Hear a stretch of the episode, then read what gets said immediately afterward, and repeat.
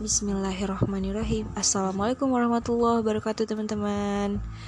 Gimana nih kabarnya? Udah lama kita gak ketemu di podcast. Alhamdulillah hari ini Allah kasih kesempatan untuk podcast lagi.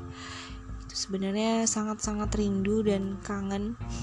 Rindu dan kangen Untuk bisa berbagi sesuatu yang uh, Walaupun kecil tapi Allah bermanfaat ya teman-teman Well, hari ini aku mau bahas tentang mengubah perspektif sejarah. Nah, kalau boleh cerita sedikit nih ya, aku baru selesai nonton kajiannya Ustadz Akmal Syafril gitu. Jadi uh, kajiannya tentang pembebasan Al-Quds sejarah Salahuddin Al-Ayubi dalam pembebasan Palestina. Gitu. Nah, aku sih ibaratin kajian itu tadi seperti ibarat burger burger yang setiap lapisan bahannya itu saling melengkapi gitu. Tapi uh, enak semuanya. Nah, jadi saking banyaknya lapisan-lapisan yang enak itu dan gurih itu mungkin hari ini aku bakal bahas satu lapisan aja. Jadi di awal-awal kajian Ustadz Akmal itu uh, menuntun kita untuk gimana caranya supaya kita itu uh, punya perspektif yang benar tentang sejarah. Tuh jadi uh, ada dua poin sih sebenarnya. Tapi bagaimana kemudian poin ini bisa uh, berkembang ke banyak aspek ini yang kemudian aku uh, sangat salutnya gitu ya. Nah, aku juga baru dapat fakta bahwa ternyata kebanyakan orang-orang uh, yang nulis biografi itu adalah seorang jurnalis jadi bukan sejarawan. Makanya mungkin kita sering nemuin hal-hal yang uh, tidak sesuai dengan logika sejarah gitu ya ketika baca biografi. Nah itu intermezzo aja sih mungkin dan uh, insya Allah bermanfaat juga buat teman-teman. Nah btw sebelum kita lanjut lebih jauh teman-teman pada suka nggak nih sama sejarah?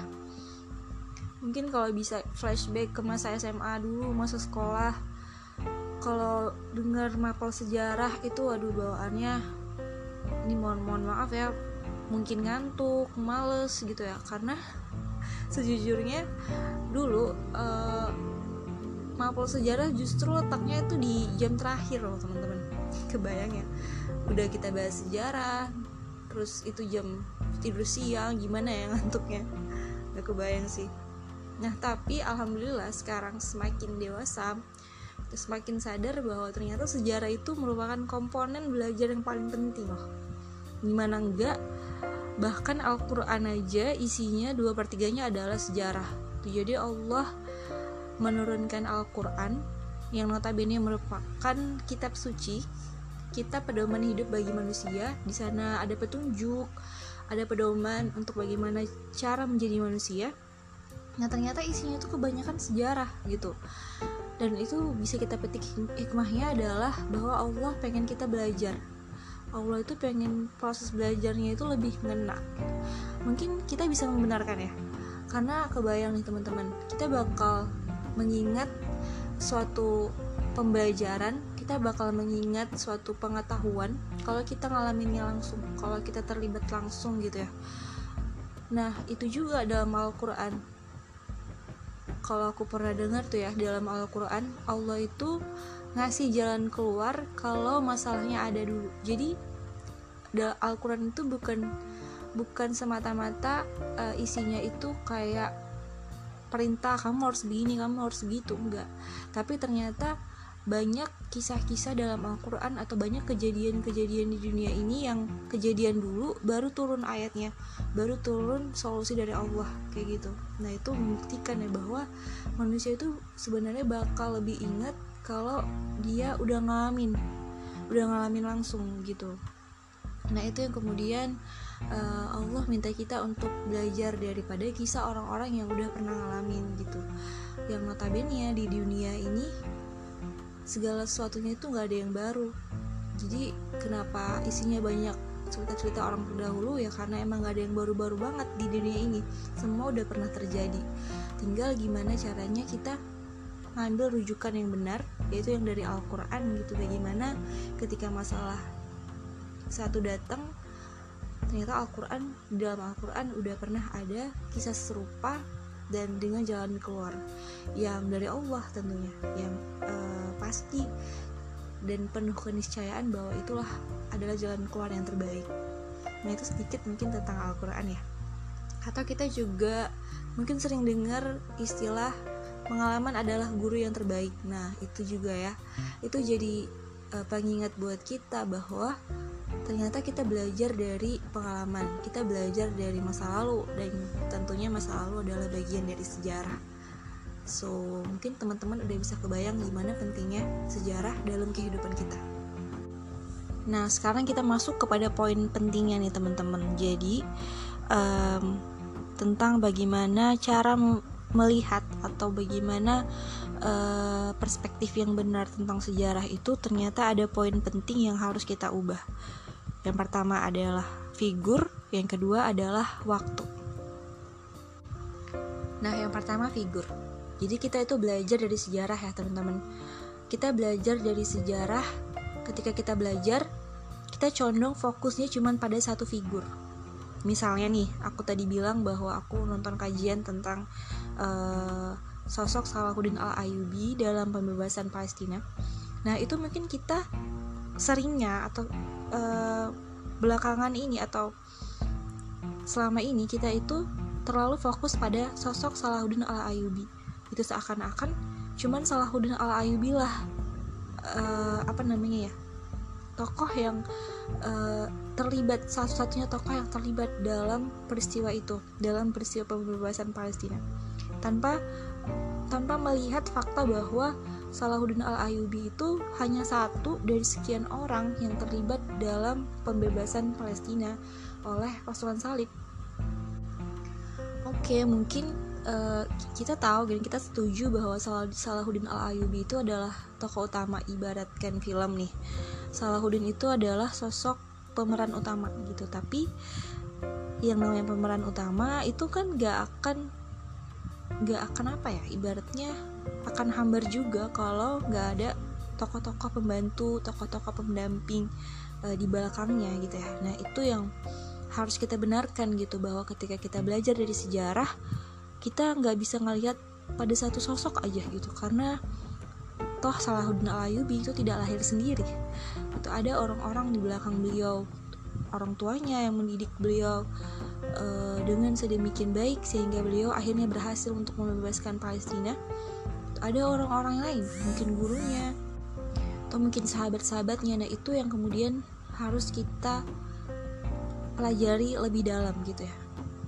Kebayang ya teman-teman? Mungkin ini bakal aku bahas lebih lanjut tentang bagaimana sebenarnya sejarah uh, penaklukan Palestina oleh pasuk oleh pasukan Salahuddin Al-Ayyubi yang sebelumnya uh, dikuasai oleh pasukan salib gitu ya. Tapi uh, untuk sedikit sedikit gambaran nih bahwa Al-Quds itu pertama kali dikuasai oleh atau direbut oleh pasukan salib itu tahun 1099 jadi kayak direbut oleh pasukan salib dari kaum muslim di mana Al-Quds itu sebenarnya wilayah kecil yang sekelilingnya itu adalah wilayah Islam wilayah kekhalifahan Islam yang masih eksis. Nah Salahuddin Al-Ayubi itu berhasil membebaskan kembali Al-Quds itu 89 tahun setelahnya. Kebayang ya lama banget kan? Padahal faktanya Al-Quds itu dikelilingi oleh kekhalifahan Islam yang besar banget gitu yang dia itu meliputi wilayah wilayah kalau nggak salah ada Mesir itu ada Yordan ada uh, Iran. Pokoknya banyak deh. Aku nggak bisa sebutin satu persatu karena itu dia aku bilang besar wilayah yang sangat besar gitu ya. Nah tapi baru bisa dibebasin selama 89 tahun setelahnya. Itu berarti kan ada ada sesuatu yang terjadi ada eh, peristiwa-peristiwa uh, atau ada eh, faktor-faktor uh, yang menyebabkan kenapa kenapa harus Salahuddin al Ayubi kayak gitu. Kenapa baru Salahuddin al Ayubi kenapa pemimpin-pemimpin atau uh, katakanlah panglima-panglima yang sebelumnya itu nggak bisa? Nah itu yang kemudian berhubungan sama poin yang kedua yaitu waktu. Nah sebelumnya teman-teman dari uh, poin yang pertama atau poin figur tadi kita bisa belajar loh bahwa kemenangan atau apa ya kalau kita belajar sejarah Islam tuh gitu ya semua tentang bagaimana persatuan semua tentang bagaimana harusnya kita menjaga ukhuwah itu supaya uh, kebenaran supaya kebatilan itu kalah supaya orang-orang yang zalim itu hilang gitu. Nah itu kita ngomong secara berjamaah. Nah itu pentingnya kita belajar sejarah tentang bagaimana kita mengubah perspektif kita terhadap figur gitu bahwa ternyata kita kita tuh punya potensi untuk jadi bagian dari perjuangan-perjuangan yang Allah ridhoi itu. Salah contohnya contohnya misalnya Salahuddin al Ayyubi tadi. Pasti banyak banget dong yang berperan di belakang Salahuddin al Ayyubi untuk kemudian bisa membebaskan Al-Quds. Gitu nah itu kita bisa ambil pelajaran gitu ya bahwa apa pun sebenarnya bisa kita ambil peran apa pun gitu ya. Walaupun uh, yang bakal diingat sejarah itu adalah tokoh utama itu misalnya Salahuddin al Ayyubi tapi Allah nggak pernah nyanyain uh, usaha kita gitu ya. Kita juga karena karena Allah tahu bahwa kita adalah bagian dari perjuangan pembebasan Al-Quds gitu. Walaupun kita bukan Salahuddin gitu. Walaupun kita bukan tokoh utamanya. Jadi kita bisa belajar dari situ bahwa siapa pun bisa uh, melakukan apa yang dia bisa. Jadi dari situ kita belajar juga bahwa jangan pernah ngerasa kecil karena sekecil apa pun peran kita itu pasti berarti dan itu tidak pernah Allah sia-siakan. Nah yang kedua adalah poin yang kedua adalah waktu gitu. Nah jadi uh, udah sempat aku bahas tadi di poin pertama gitu bahwa uh, Al-Quds itu bisa direbut kembali oleh Salahuddin Al-Ayubi tahun 1188 jadi 89 tahun setelah uh, Al-Quds itu direbut oleh pasukan salib. Jadi kenapa sih butuh 89 tahun gitu ya? Nah berarti kan ada peristiwa-peristiwa atau ada alasan-alasan di baliknya. Nah itu yang kemudian bisa kita ambil pelajaran dari situ gitu. Entah mungkin pada saat itu persatuannya tidak tidak erat gitu ya. Nah itu kemudian bisa kita ambil hikmah bahwa hari ini kita harus benar-benar menjaga persatuan antar umat gitu supaya kemenangan itu dekat. Jadi kita nggak lantas berfokus pada satu waktu aja gitu. Misalnya kita ambil contoh kerusuhan uh, tahun 98 di mana mahasiswa itu demo di kantor uh, Dewan Perwakilan gitu ya yang pada manjat di atas di atas atapnya tentu kalau kita mau mengetahui fakta sebenarnya itu kita nggak bisa ngelihat langsung di cuman tahun 1998 aja gitu. Tapi kita harus narik atau kita harus mundur analisisnya ke waktu-waktu yang sebelumnya. At least mungkin dua tahun sebelumnya atau beberapa tahun sebelumnya gitu. Karena itu nggak sekonyong-konyong langsung terjadi gitu ya. Demonstrasi besar-besaran mahasiswa itu pasti ada alasan-alasan di baliknya gitu. Nah itu yang harus kita pelajari peristiwa-peristiwa uh, apa yang terjadi sebelumnya gitu. Kayak perkataan seorang petinju namanya Mike Tyson gitu di mana beliau bilang bahwa orang-orang itu tahu uh, siapa yang menang itu cuma di atas ring. Padahal kemenangan itu ditentukan berminggu-minggu sebelumnya. Jadi kebayang ya teman-teman uh, hasil yang kita lihat dari seseorang pada satu waktu itu sebenarnya tidak sekali tidak se, sekejap mata terjadi tapi itu adalah proses uh, proses yang mungkin membutuhkan waktu yang lama untuk sampai pada titik yang teman-teman lihat pada saat itu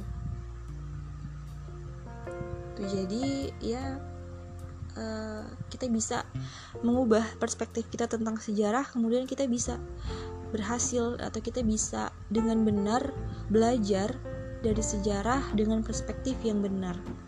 Jadi kita tidak hanya berfokus pada atau kita tidak hanya terpaku pada satu figur dan satu waktu gitu. Jadi kita harus benar-benar memahami karena aku bilang tadi bahwa Al-Qur'an itu isinya banyak sejarah gitu dan ketika kita bisa melihat atau kita bisa punya perspektif yang benar tentang sejarah insya Allah kita termasuk orang-orang yang benar yang benar-benar mendapatkan hikmah dari Allah karena kita udah tahu gimana cara kita belajar tentang sejarah yang benar. Mungkin itu dulu ya teman-teman sharing-sharing kita hari ini. Insya Allah uh, kita bakal lanjutin pembahasan kita gitu ya. Semoga teman-teman dapat uh, ibroh dapat manfaat dari apa yang kita bahas hari ini. Um, semoga teman-teman selalu sehat selalu dapat perlindungan dari Allah. Dan apa ya semoga apa yang kita bahas juga menambah semangat untuk teman-teman semua untuk terus belajar dan menjadi bagian dari perubahan. Assalamualaikum warahmatullahi wabarakatuh.